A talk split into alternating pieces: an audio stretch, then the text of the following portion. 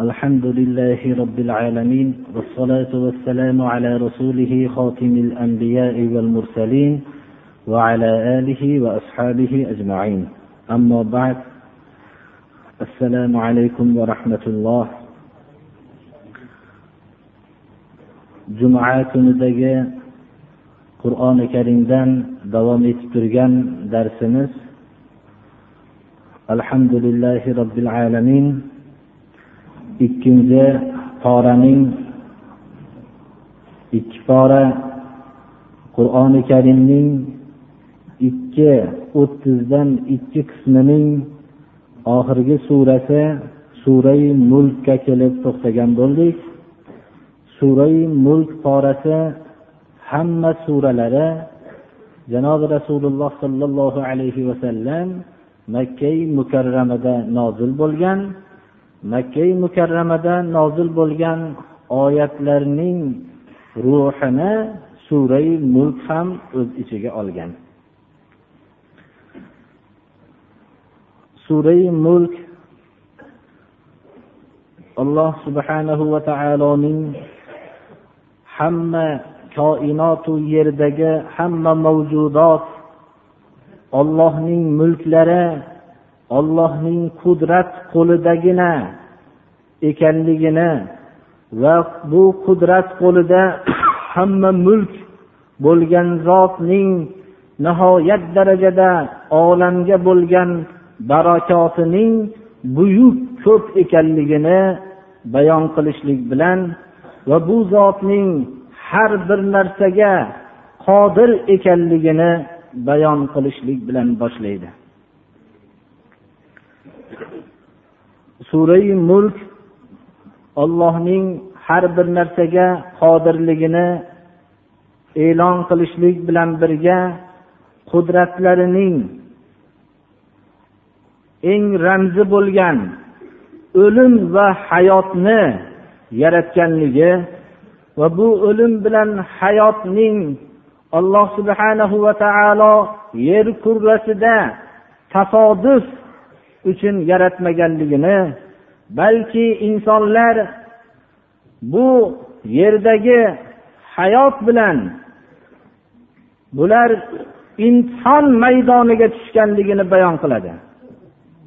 Ularning qaysi birlari yaxshi amal qilishlik uchun alloh subhanahu va taolodan tarafidan berilingan olamdagi hech qaysi bir mavjudotga berilinmagan ixtiyor sifatidan qaysilari yaxshi foydalanishligini imtihon qilishlik uchun yaratilganligini bayon qiladi. Allohning qudratlaridan koinotdagi qudratlarga qarashlikka alloh subhanahu va taolo buyuriydi. Va bu koinotdagi narsalar istoralar hammasi dunyo osmonining ziynati uchun bir tarafdan yaratilinganligini bayon qilishlik bilan birga ular ollohning yo'liga qarshi chiqqan jin ya'ni shaytonlar uchun otilinadigan narsa ham qilinganligini va bu ollohni yo'liga qarshi chiqqan kishilarga ergashgan kofirlar uchun alloh subhanahu va taolo oxiratda jahannam azobini hozirlab qo'yganligini va jahannam bularni tashnalik bilan kutib olganligini dahshatli holatni suratlab beriladi. Va shularning muqobilasida alloh subhanahu va taolo tarafidan yaratilingan kishilarning bir qismi kofirlar bu imtihonda o'zlarining imtihonlarini yomon bajarib do'zaxga kirishgan bo'lsa jahannamga kirishgan bo'lsa imtihon maydonida muvaffaqiyatga erishib alloh subhanahu va taoloni ko'rmasdan turib ollohdan qo'rqib yashagan. Olloh doim meni ko'rib turibdi deb odamlar ko'rmagan joylarda ham ollohdan qo'rqqan zotlar uchun olloh ularning gunohlarini mag'firat qilganligi va katta mukofotlarning hozirlab qo'yganligini bayon qiladi va shu bilan birga alloh subhanahu va taolo sura mulkning davomida o'zining insonlarga qilgan marhamatlarini zikr qiladi inshaalloh o'rnida tafsiliy suratda bayon qilamiz بسم الله الرحمن الرحيم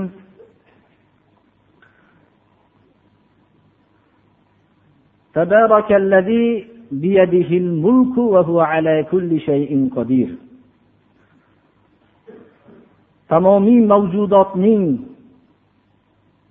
egadorligi mulki faqat qudrat qo'lida bo'lgan zotning buyuk va juda ko'p barakot egasidir.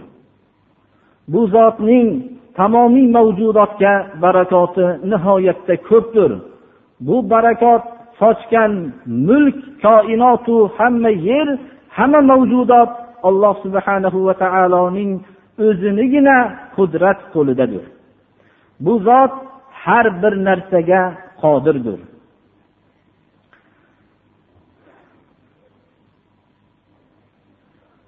Har bir narsaga qodir. Odamlar alloh subhanahu va taoloning qudratini qanchalik tasavvur qilishsalar ana shu tasavvurdan ham oliy suratda qodirdir. Ollohning qudratlaridan qodirligidan dur alloh subhanahu va taoloning o'lim va hayotni yaratganligi. Bu yerdagi o'lim xoh insonning vujudga kelishligidan yoyinki boshqa mavjudotning vujudga kelishligidan ilgarigi yo'qlik o'lim bo'lsin va hamda insonning yashagandan keyini keyin bo'lgan o'limni ham o'z ichiga oladi. Hayot ham xuddi shunday. Insonning dunyodagi yo boshqa mavjudotning hayoti va oxirat hayotini o'z ichiga oladi. Alloh subhanahu va taolo o'lim va hayotni hammasini o'zi yaratdi. Bu o'lim va hayotning ko'zimizda tinimsiz suratda ko'rib turishligimizga qaramasdan u o'lim bilan hayotning nima ekanligi insonlarga sir bo'lib qolmoqda. Uni har qancha izohlansa ham baribir o'lim nima degan savol jumboq bo'lib qolmoqda mana. Hayot nima? Shunday go'yo bo'lib turgan inson shunchalik o'zida qobiliyat egasi bo'lib turgan insonningga alloh subhanahu va taolo bu hayot ne'matini olib qo'ygandan keyin o'zining asli bo'lgan tuproqqa qaytyapti nima sodir bo'lganligini hech kim izohlab bera olmaydi buni yaratgan zot o'zigina biladi buni. O'lim nima hayot nima ekanligini. Lekin bu o'lim bilan hayotni alloh subhanahu va taolo yaratishligi tasodif qo'qqisdan yer kurrasida bu hayot o'z o'zidan vujudga kelib qolmadi. Buni olloh yaratdi. Yaratishlik bilan birga sizlarning qaysilinglar yaxshi amal qilishliginglarni imtihon qilishlik uchun yaratdi. Alloh subhanahu va taolo sizlarning qaysilinglarni amallarini yaxshi yomon ekanligini ajratib bilishlikka qodir zotdir. Aziz u zot qudratli zotdir. Qudratligidan o'lim va hayotni yaratdi. Tamomiy mavjudotni yaratdi. Uning olamdagi olloh yaratgan narsalarning birortasini tamomiy yer yuzi jamlansa ham yarata olmaydi. استعيذ بالله إن الذين تدعون من دون الله لن يخلقوا ذبابا ولو اجتمعوا له ollohdan tashqariga sig'inayotgan narsalaringlar go'ng yeyayotgan qora pashshani ham yarata olmaydi hammalari to'plansa ham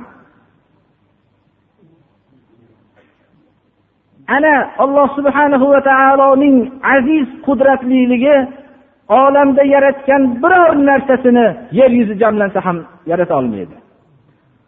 Shunday qudratli bo'lib bo'lishlik bilan birga olloh imtihon uchun yaratgan bandalardan sodir bo'lgan xatolar agar ular ixlos bilan istig'for aytsalar kechiruvchi zotdir.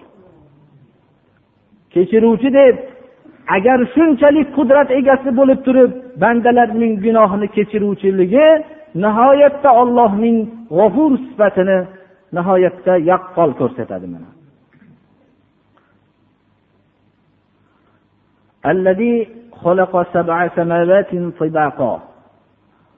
Ollohning g'olib qudratli aziz sifatlaridan shunday g'olib qudratli bo'lganligi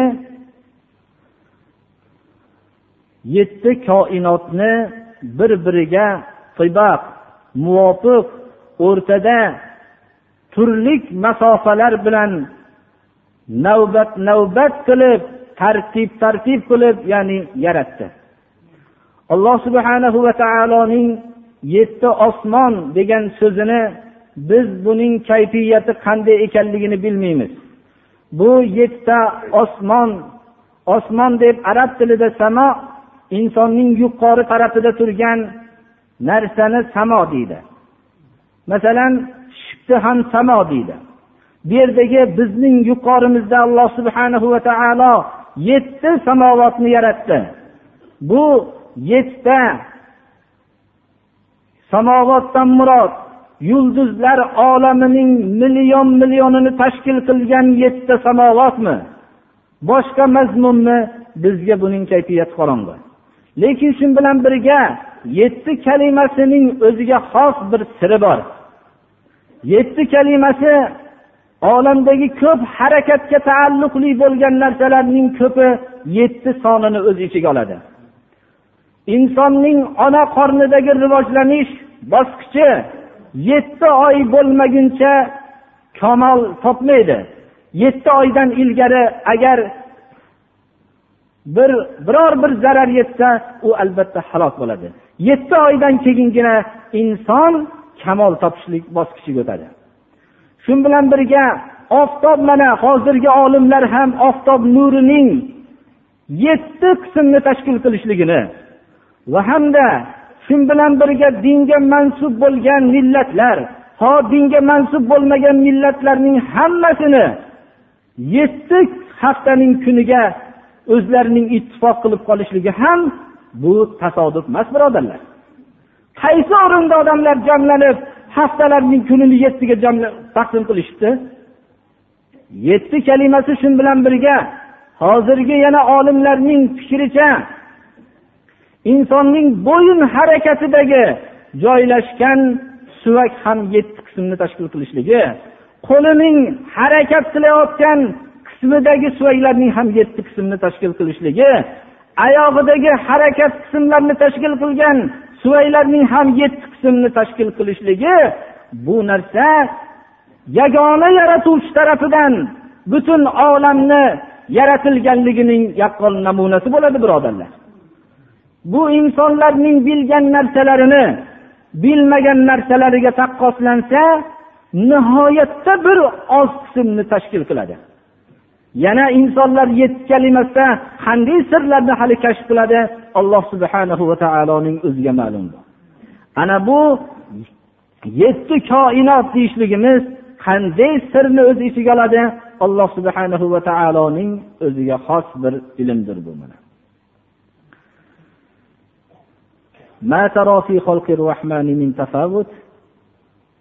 Butun olamga kofirlargayu mo'minlarga o'zining rahmatini sochgan zotning yaratgan narsalarida hech bir qarama qarshilikni ko'rmaysiz. Hech bir bir biriga bog'lanmagan narsani ko'rmaysiz. Hamma olam bir biriga bog'langan. Mana buni olimlar nihoyat darajada butun koinotdagi hamma narsa bir biriga bog'liq ekanligini yana ham bilishmoqdalar.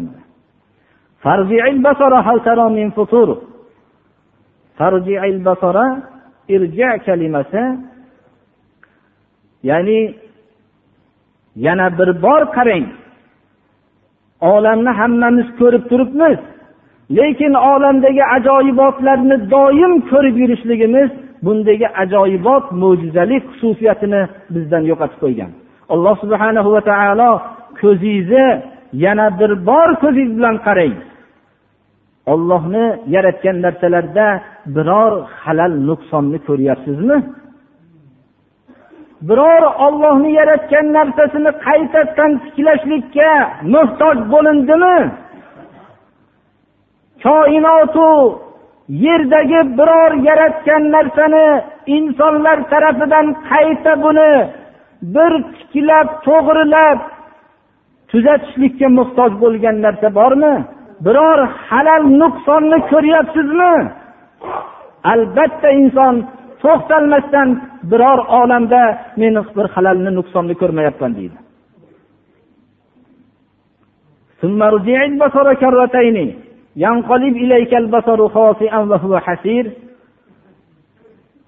Yana bir bor qaytib qaytib qarang. Koinoti yerga qaytib qaytib qarang. Ana koinoti yerga qaytib qaytib qarasangiz ko'zingiz sizga itoatkor bo'lib xor bo'lib horg'in bo'lib qaytadi. O'zi charchagan holatda ojiz bo'lib qaraydi. Butun koinotdagi hamma narsani tekshirib oxiri o'zining bu narsaning hech bir oxiriga yetib bo'lmayotgan darajada ko'p narsalarning o'z ichiga olganligini bilib ojiz bo'lib qaytadi.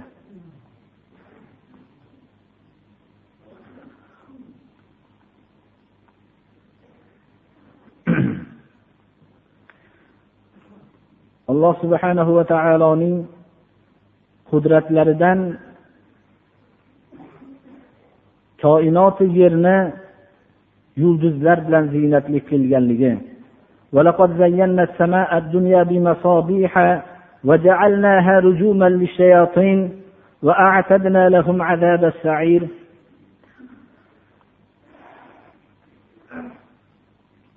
bu assamo dunyo dunyo arab tilida yaqin degani Bu samou dunyodan yerga yaqin bo'lgan osmon bo'lishligi mumkin. Yerga yaqin bo'lgan osmonni alloh subhanahu va taolo aytyaptiki biz chiroqlar bilan chiroqlar manzilatidagi yulduzlar bilan ziynatlik qildik. Inson yulduzlarni nazar qilsa nihoyat darajada bir go'zal olamni tomosha qiladi. Bular insonga bir qorong'i kechada chiroqlik chiroq manzilatini bajaradi. Alloh taolo buni ziynatlik qilishlik bilan yaratganligini bayon qilib va shu bilan birga insonlarning ya'ni mo'minlarning dushmanlari bo'lgan shayton deb atalgan jinlarga biz otadigan narsa qildik buni. Insonlarga zarar yetkazishlik uchun maqsad qilgan butun jinlarga hammasiga uloqtirib otiladigan narsa qildik ikkinchi hikmati buni. Alloh subhanahu va taolo bularni qaysi suratda otadigan narsa qilganligi qaysi suratda otishligi qaysi suratda bu shaytonlarning jinlarning halok bo'lishligini bizga g'ayb qildi. Biz mana shundan ortiqcha mazmun bermaymiz. Buning kayfiyati bizga qorong'i.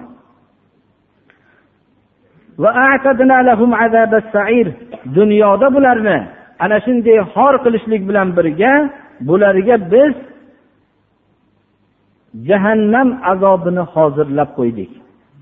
Mo'minlarga qarshi bo'lgan jinlarga shaytonlarga do'zax azobini hozirlab qo'ydik. Ana dunyoda bularni yulduzlar bilan kuydirib tashlashlik jazosini bergan bo'lsak oxiratda do'zax o'ti bilan kuydirishlik azobini hozirlab qo'ydik. Ana bu mo'min kishilarga zarar yetkazuvchi o'zlarining tarbiya kunandalarini inkor qiluvchi shu shaytonlarga ergashib ularning vasvasalariga ergashib o'zlarining shuncha olamda ularning tarbiyasi uchun yaratgan ko'p ne'matlarini bergan tarbiyat kunandasiga kofir bo'lganlarga jahannam azobini hozirlab qo'yilgan. Jahannam mana bu kofirlarga bu azob faqat shaytonu jinlarga emas bularning vasvasalariga ergashgan o'zlarining tarbiya kunandalarini esdan chiqargan kofirlarga jahannam azobidir. Bu qanday yomon boradigan joy bu.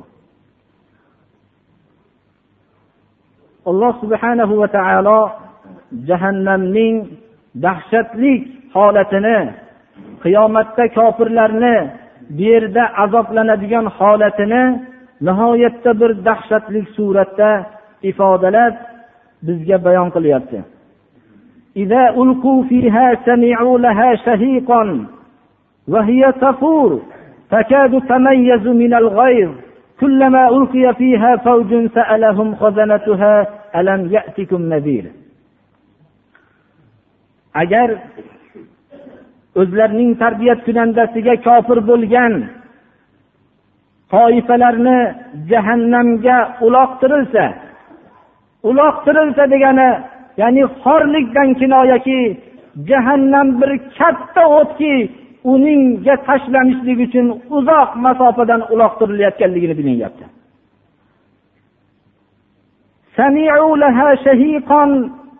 jahannamga uloqtirilinganda jahannamga tushayotgan kishilar jahannamning xuddi eshak hashirlar arpaga haris bo'lib och qolgan vaqtidagi haris bo'lgan vaqtida ulardan yeyish vaqtida hashnalik ovozi chiqib ketgandek ovozni eshitishadilar. Jahannam ollohga kofir bo'lganlarni kutib tashna bo'lib turgan holatini tasvirlanib ifodalanyaptiki xuddi eshak hachirlar arpaga och bo'lib turgan vaqtida oldiga olib kelingandagi tovush chiqarib yuborgandek tovushni jahannamga tushayotganlar eshitishadi. Shahiqon bu shahqotul arablarda bu hachirning arpaga tashnaligini shahqoh deb aytiladi. Shahiqon jahannam kofirlarni uloqtirilgan vaqtida xuddi bularga tashna bo'lib turgan hayvonlardek tashlanadi. Undan shu vaqtda ovoz chiqib ketadi. Jahannam qaynab turgan holatda ana shunday jahannamiylarni kutib oladi. O'zining tarbiyat kunandasini ne'matiga burkanib tarbiyat kunandasini tanimasdan kelgan bu kofirlarni ko'rib bularga qilgan g'azab qilganligidan bo'linib pora bo'lishlikka yaqin bo'lib ketadi jahannam ana bu nihoyatda bir jahannamning dahshatli bir holatini ifodalanyapti كلما ألقي فيها فوج سألهم خزنتها ألم يأتكم نذير؟ jahannamga kofirlar to'pini to'p to'p qilib uloqtiriladi. Har qachon biror bir to'pni uloqtirilgan vaqtida ular shunday azobda turgan vaqtida jahannam posbonlari ularni masxara qilib savol qilishadi. Alam yatikum nazir? Sizlarga bir hayotinglarda shunday kunlarni borligini ogohlantiruvchi zotlar kelmaganmidi sizlarga? Bu savolni beruvchi jahannam posbonlari nihoyat darajada bilishadi.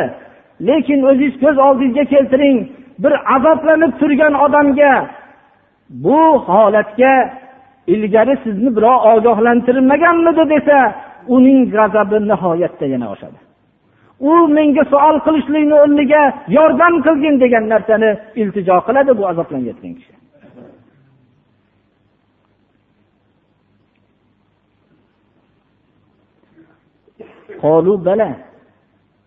قد جاءنا نذير فكذبنا وقلنا ما نزل الله من شيء إن أنتم إلا في ضلال كبير jahannamga tushganlar bizlarga ogohlantiruvchi albatta kelgan. Bizlarga ogohlantiruvchini kelganligida shak shubha yo'q kelgan edi. Biz ularni ko'rib olloh sizlarga hech narsani tushirgan emas bu vahiyni sizlarga tushirgan emas bu qur'on kitobini o'zi yozib olgan debmiz biz. Olloh hech narsani tushirmagan deb biz ularga shunday xitob qilibmiz deyishadi. Sizlar haqiqatdan juda katta uzoq masofadasizlar haqiqatda emassizlar deb biz ularga payg'ambarlarga xitob qilib payg'ambarlarning haqiqatgo'y ekanligini ularning yo'llarini haq ekanligini bilmabmiz biz deyishadi. وقالوا لو كنا نسمع أو نعقل ما كنا في أصحاب السعير ular nadomat bilan aytishadiki agar biz dunyoda shunday haqiqatgo'y payg'ambarlarning so'zlarini eshitib aqlimizni ishlatganimizda biz bunday do'zax ahllaridan bo'lmasdik deyishadi birinchi marta do'zaxlar o'zlarining hayotda beaql yashaganliklarini do'zaxda tan olishadilar lekin vaqt o'tgan bo'ladi unda. Dunyoda o'zlarining shunday aqllarini rostlab haqiqatni eshitgan vaqtlarida o'zi foydalanib qolishlari kerak.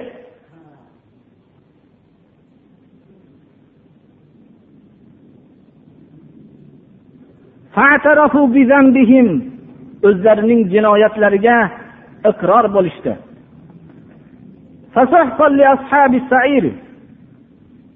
Alloh subhanahu va taolodan bunday soatda iqror bo'lgan kishilarga xitob qilinib do'zaxlar qurib ketsin halok bo'lsin degan xitob nozil bo'ladi. Bunday soatda modomiki hayvon bo'lmasa odamlar iqror bo'lishadi hammalari. Lekin insonning fazilati oldida azob kelishlikdan ilgari iqror bo'lishlik bu haqiqiy insonning aqlli insonning bu belgisidir. Ana alloh subhanahu va taolo bu nadomat foyda bermaydigan soatda iqror bo'lgan kishilarga alloh subhanahu va taolo tarafidan nido bo'ladiki bunday do'zaxlar yo'qolsin halok bo'lsin degan nido keladi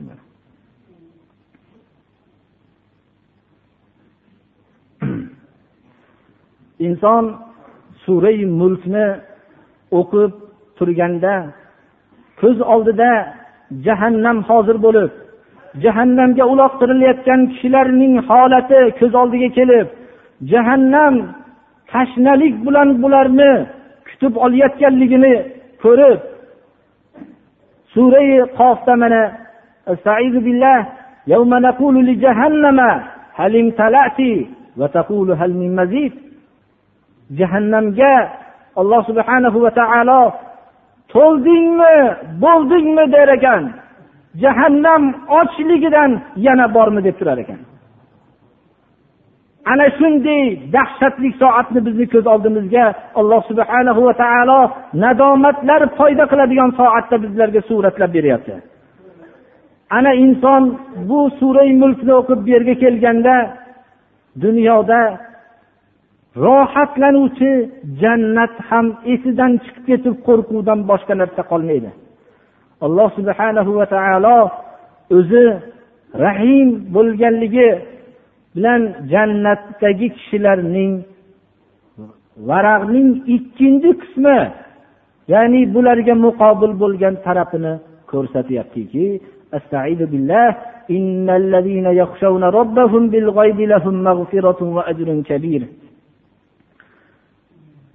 tarbiyat kunandalarining ne'matlarini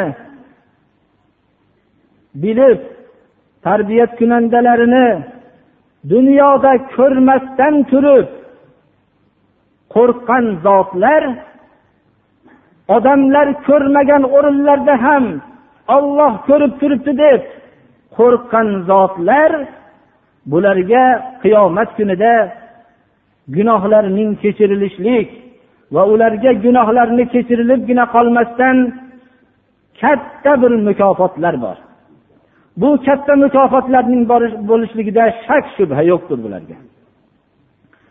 Bu birodarlar katta mukofot deb aytayotgan odam qo'lidan bir huquq kelibda turgan qo'lidan bir ish keladigan kishi shu ishni bajarsangiz katta mukofot bor deganda o'zi qancha katta deb tasavvur qilasiz?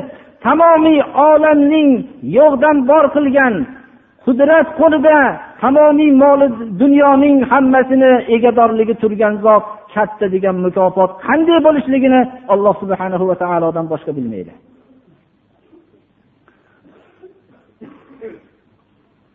Inson insonning haqiqiy sifati faqat odamlar ko'rib turgandagina qo'rqqan kishi hisoblanmaydi.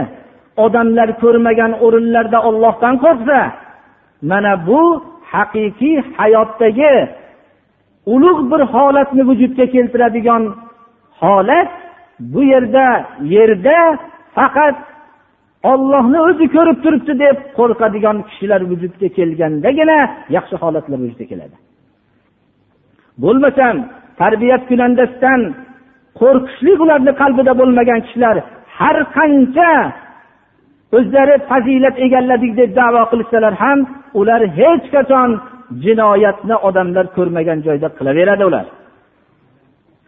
Ana alloh subhanahu va taolo faqat tarbiya kunandalardan qo'rqqan odamlar ko'rmay turgan o'rinlarda ham ollohdan qo'rqqan kishilargagina mana bunday katta mukofotlarni va'da qilyapti.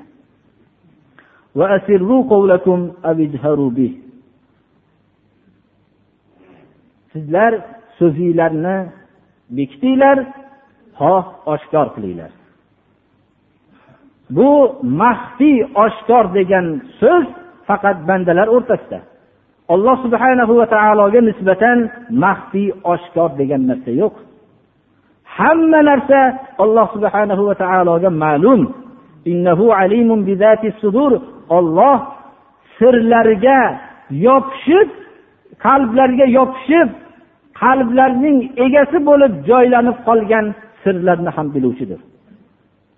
Zoti sudur ya'ni sirni shunday maxfiy bo'lib qalbni egasi bo'lib shu qalbdan chiqmay qolib ketgan sirlarni ham biluvchi degani.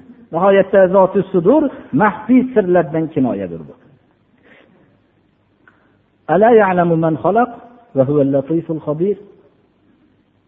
Odamlar ollohni bilishligida shak shubha qilishadimi? O'zini yaratgan narsasini bilmaydimi? Bir odam bir narsa qilgan bo'lsa uning qaysi o'rnida nima turganligini yaxshi biladi. Olloh o'zini yaratgan narsasini bilmaydimi?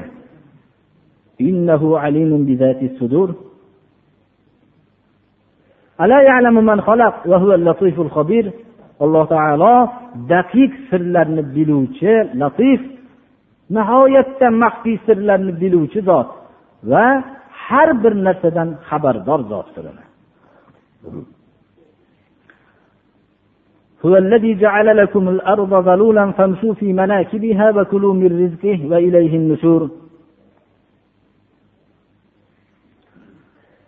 ollohgina sizlarga yerni nihoyatda itoatkor markab qilib yaratib qo'ydi Zalul arab tilida nihoyatda sizni qiynamasdan osoyishta olib yuruvchi markabni zalul deydi. Insonlar oddiy insonlar yerning zalul ekanligini bu yerda nima sharoitlar qilmoqchi bo'lsa qulay bo'layotganligini tushunishadi. Lekin ilm nihoyatda chuqurlashgan sari qur'oni karim yerni itoatkor markab deganlikdek nuqta nihoyatda ma'lum bo'ladi. Go'yo insonlar yerning nihoyatda tez harakat qilishligini sezmasdan muloyim ketmoqdalar. Yer o'zining atrofidagi harakatni insonlar sezmasdan bu qulay markabni minib borishmoqdalar.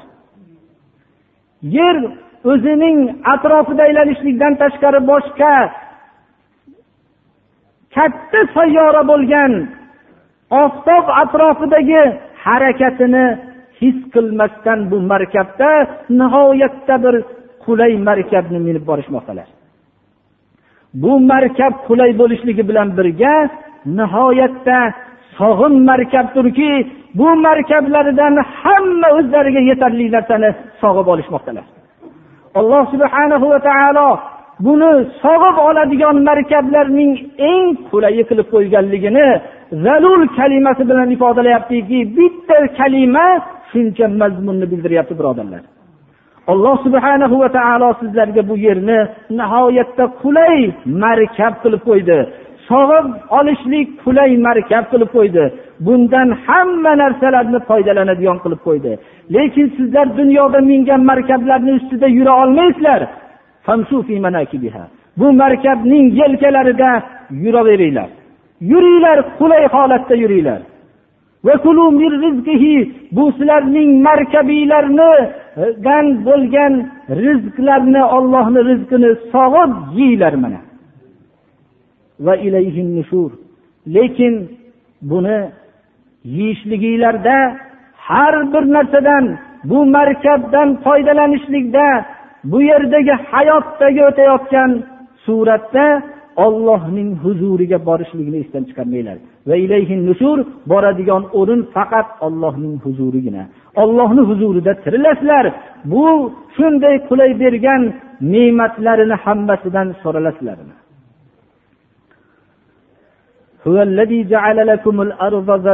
oyati har bir inson agar bilganda bu bir alloh subhanahu va taolo bizning bu markabimizning yurishligidan kecha va kunduzni almashtiryapti kecha va kunduz استعيذ بالله قل أرأيتم إن جعل الله عليكم الليل سرمدا إلى يوم القيامة من إله غير الله يأتيكم به يأتيكم بضياء أفلا تسمعون olloh agar kechani davomiy qilib qo'ysa sizlarga bu yorug'likni kim olib kelib berardi quloq solmaysizlarmi ollohning so'zlariga? Agar kecha uch kun davom etib qolsa yer muzlab qolar ekan birodarlar. Mana mufassir ulamolar shunday deyishadilar. قل أرأيتم إن جعل الله عليكم النهار سرمدا إلى يوم القيامة من إله من إله غير الله يأتيكم بليل تسكنون فيه أفلا تبصرون agar alloh subhanahu va taolo sizlarga kunduzini davomiy qilib qo'yganda sizlar orom oladigan bu kechani kim olib kelib berardi ko'rmaysizlarmi bu qudratlarini agar kunduzi davom etib qolsa kechasi bo'lmasdan olamdagi hamma narsa kuyib ketar ekan birodarlar. Ana bu bizning markab qilib bergan alloh subhanahu va taolo qilib bergan yerning o'zining yurishligidan alloh subhanahu va taolo bizga kecha va kunduzni almashtirib beryapti. Shu bilan birga fasllarning almashlantirib beryapti. Alloh subhanahu va taoloning mana shu oyati zalul kalimasi bilan yerni ifodalashlik qur'oni karimning alloh subhanahu va taoloning tarafidan ekanligida shak shubha yo'q ekanligini isbotlaydiki bitta kalima bilan shuncha mazmun ifodalanyapti. Alloh subhanahu va taologina sizlarga yerni qulay yurishligi qulay sog'ishligi qulay markab qilib berdi.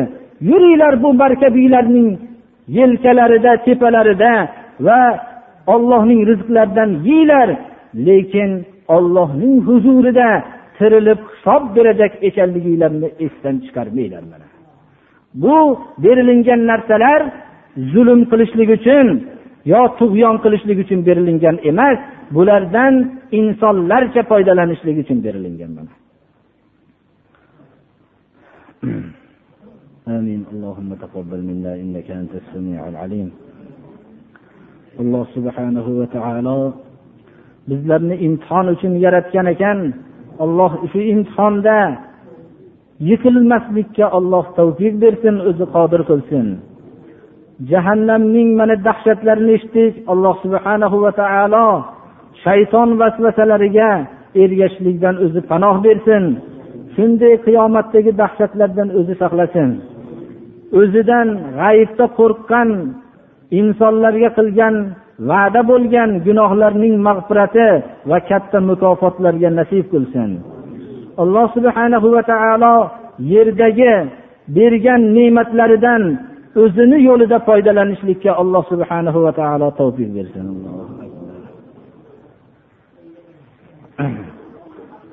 Alloh taolo bizni to'g'ri yo'lga boshlasin parvardigoro. Hammamizni ulfat qilsin. Musulmon birodarlarni bir birlarini tushunadigan qilsin.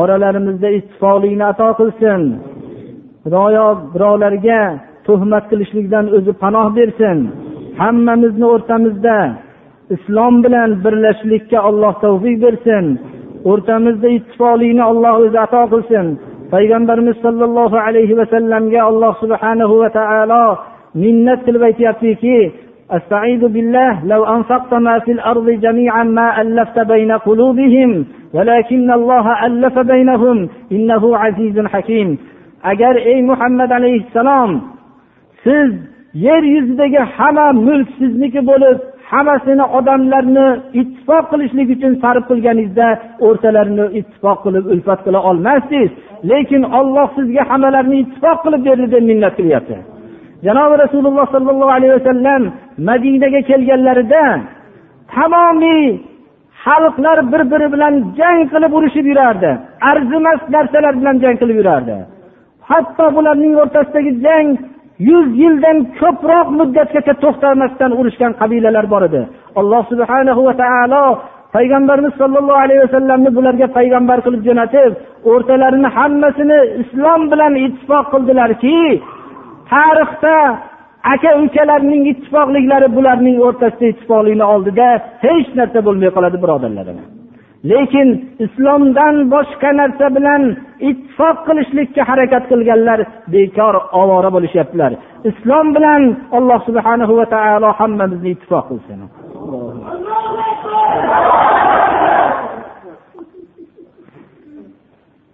Bir duo qilinglar deyilgan ekan. Ho'p duo qilamiz. Ba'zi savollarda shunaqa savollar berilibdiki bunaqa kashandalik to'g'risida so'ralibdi.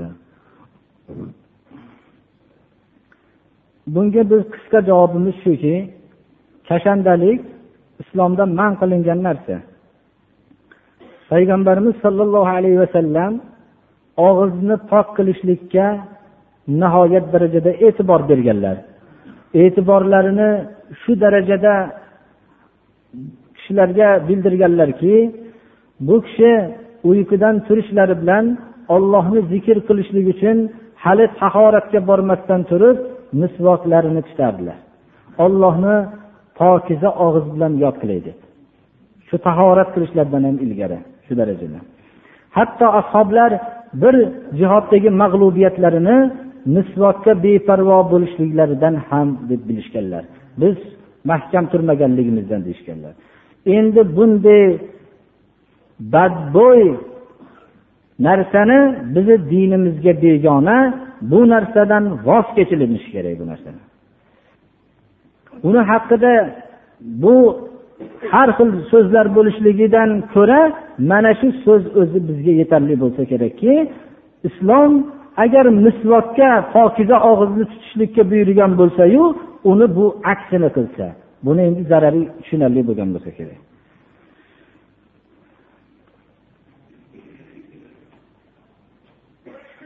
Namozga qanday niyat qilinadi deyilibdi niyat degan narsa tilni so'zi tilni vazifasi emas.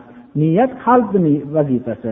Qalbida shu qazo namoz o'qiyotganligini diliga keltirishlik bilan va qaysi namoz ekanligini aytishlik bilan shu niyat bo'ladi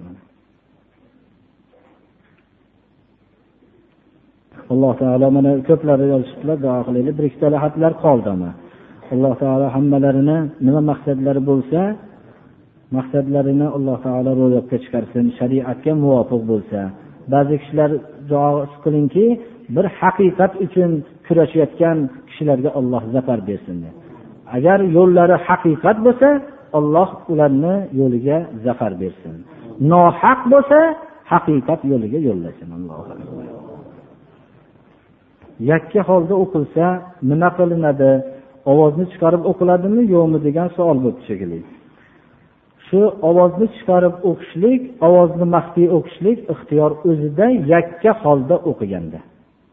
Jamoat bilan o'qiganda albatta vojib jahriyani jahriya qilish maxfiyni maxfiy qilishlik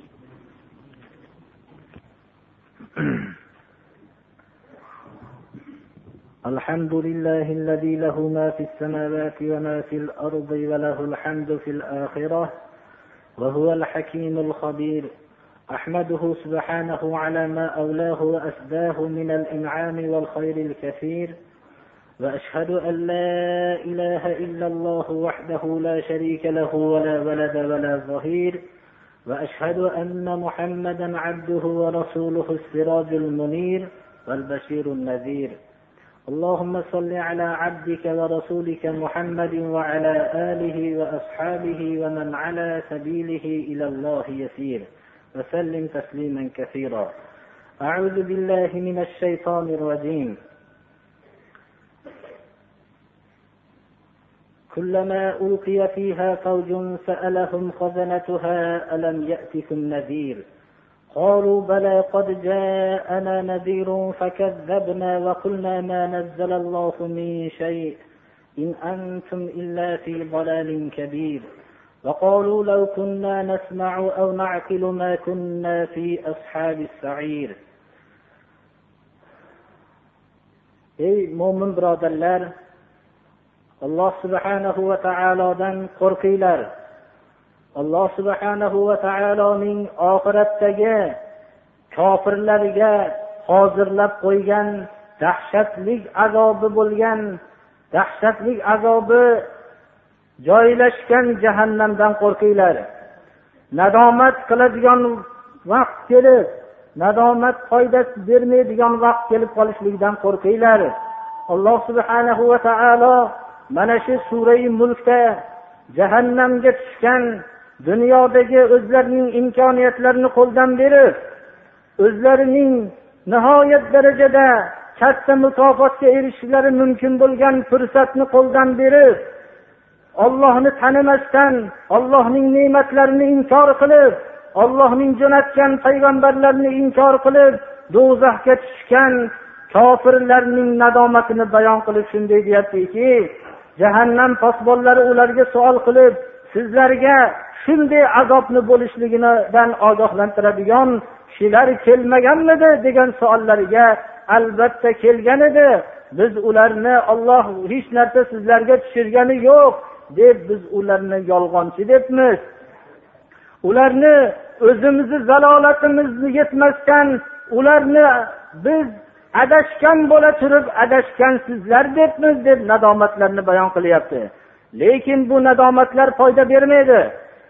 Mana alloh subhanahu va taolo qur'onni jo'natdi islom millatiga.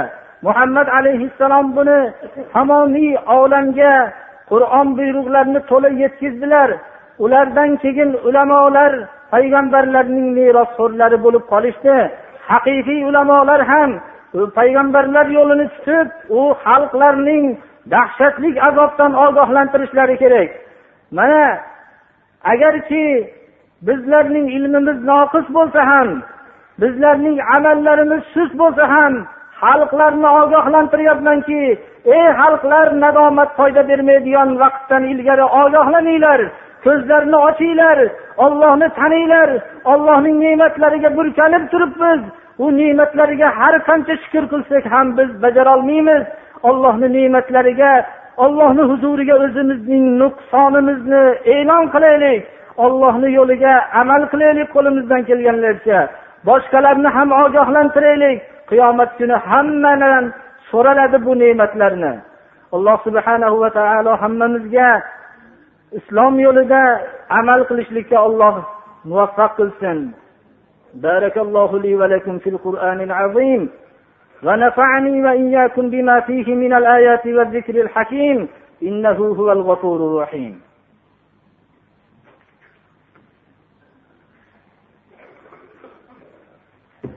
الحمد لله رب العالمين والصلاة والسلام على رسوله خاتم الأنبياء والمرسلين وعلى آله الآمرين بالمعروف والناهين عن المنكر إلى يوم الدين. خصوصا على الصديق والفاروق وذي النورين والمرتضى أئمة رضوان الله تعالى عليهم أجمعين. اللهم صل على محمد وعلى آله وصحبه أجمعين. اللهم أعز الإسلام والمسلمين وأذل الشرك والمشركين. اللهم ألف بين قلوب المؤمنين في المشارق والمغارب واجمع كلمتهم. بسم الله الرحمن الرحيم. اللهم تقبل منا هذه الصلاة وعف عنا مع جميع نقصاناتها بفضلك وكرمك يا أكرم الأكرمين ويا أرحم الراحمين. اللهم إنا نعوذ بك من الكفر والفقر والجبن والكسل ومن فتنة المحيا ومن فتنة الممات ومن فتنة المسيح الدجال ومن فتنة عذاب القبر وأن نرد إلى أرذل العمر اللهم ألف بين قلوب المؤمنين في المشارق والمغارب واجمع كلمتهم. اللهم عليك أعداءك أعداء هذا الدين. ربنا لا تجعلنا فتنة للقوم الظالمين ونجنا برحمتك من القوم الكافرين. ربنا اغفر لنا ذنوبنا وإسرافنا في أمرنا وثبت أقدامنا وانصرنا على القوم الكافرين. وصلى الله تعالى على خير خلقه محمد وآله وأصحابه أجمعين. الله أكبر.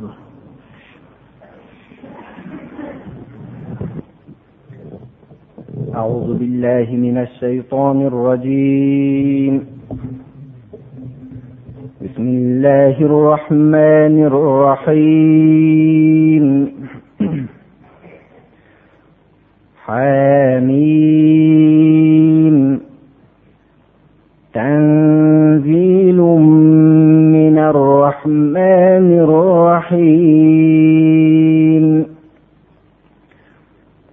كتاب فصلت آياته قرآنا عربيا لقوم يعلمون بشيرا ونذيرا فأعرض أكثرهم فهم لا يسمعون وقالوا قلوبنا في أكنة مما تدعونا إليه وفي آذاننا وفي آذاننا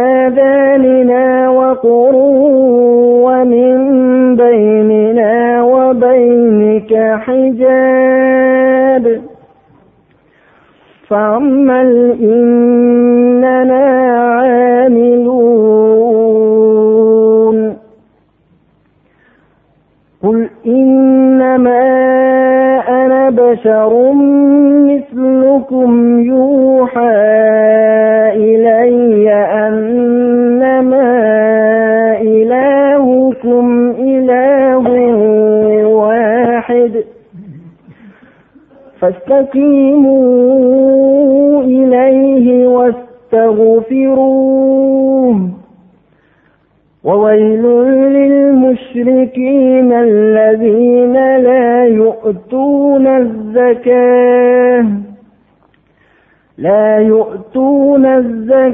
وهم بالآخرة هم كافرون إن الذين آمنوا وعملوا الصالحات لهم لهم أجر غير ممنون سبحان ربك رب العزة عما يصفون وسلام على المرسلين والحمد لله رب العالمين. اللهم تقبل منا إنك أنت السميع ربنا اغفر لنا ولإخواننا الذين سبقوا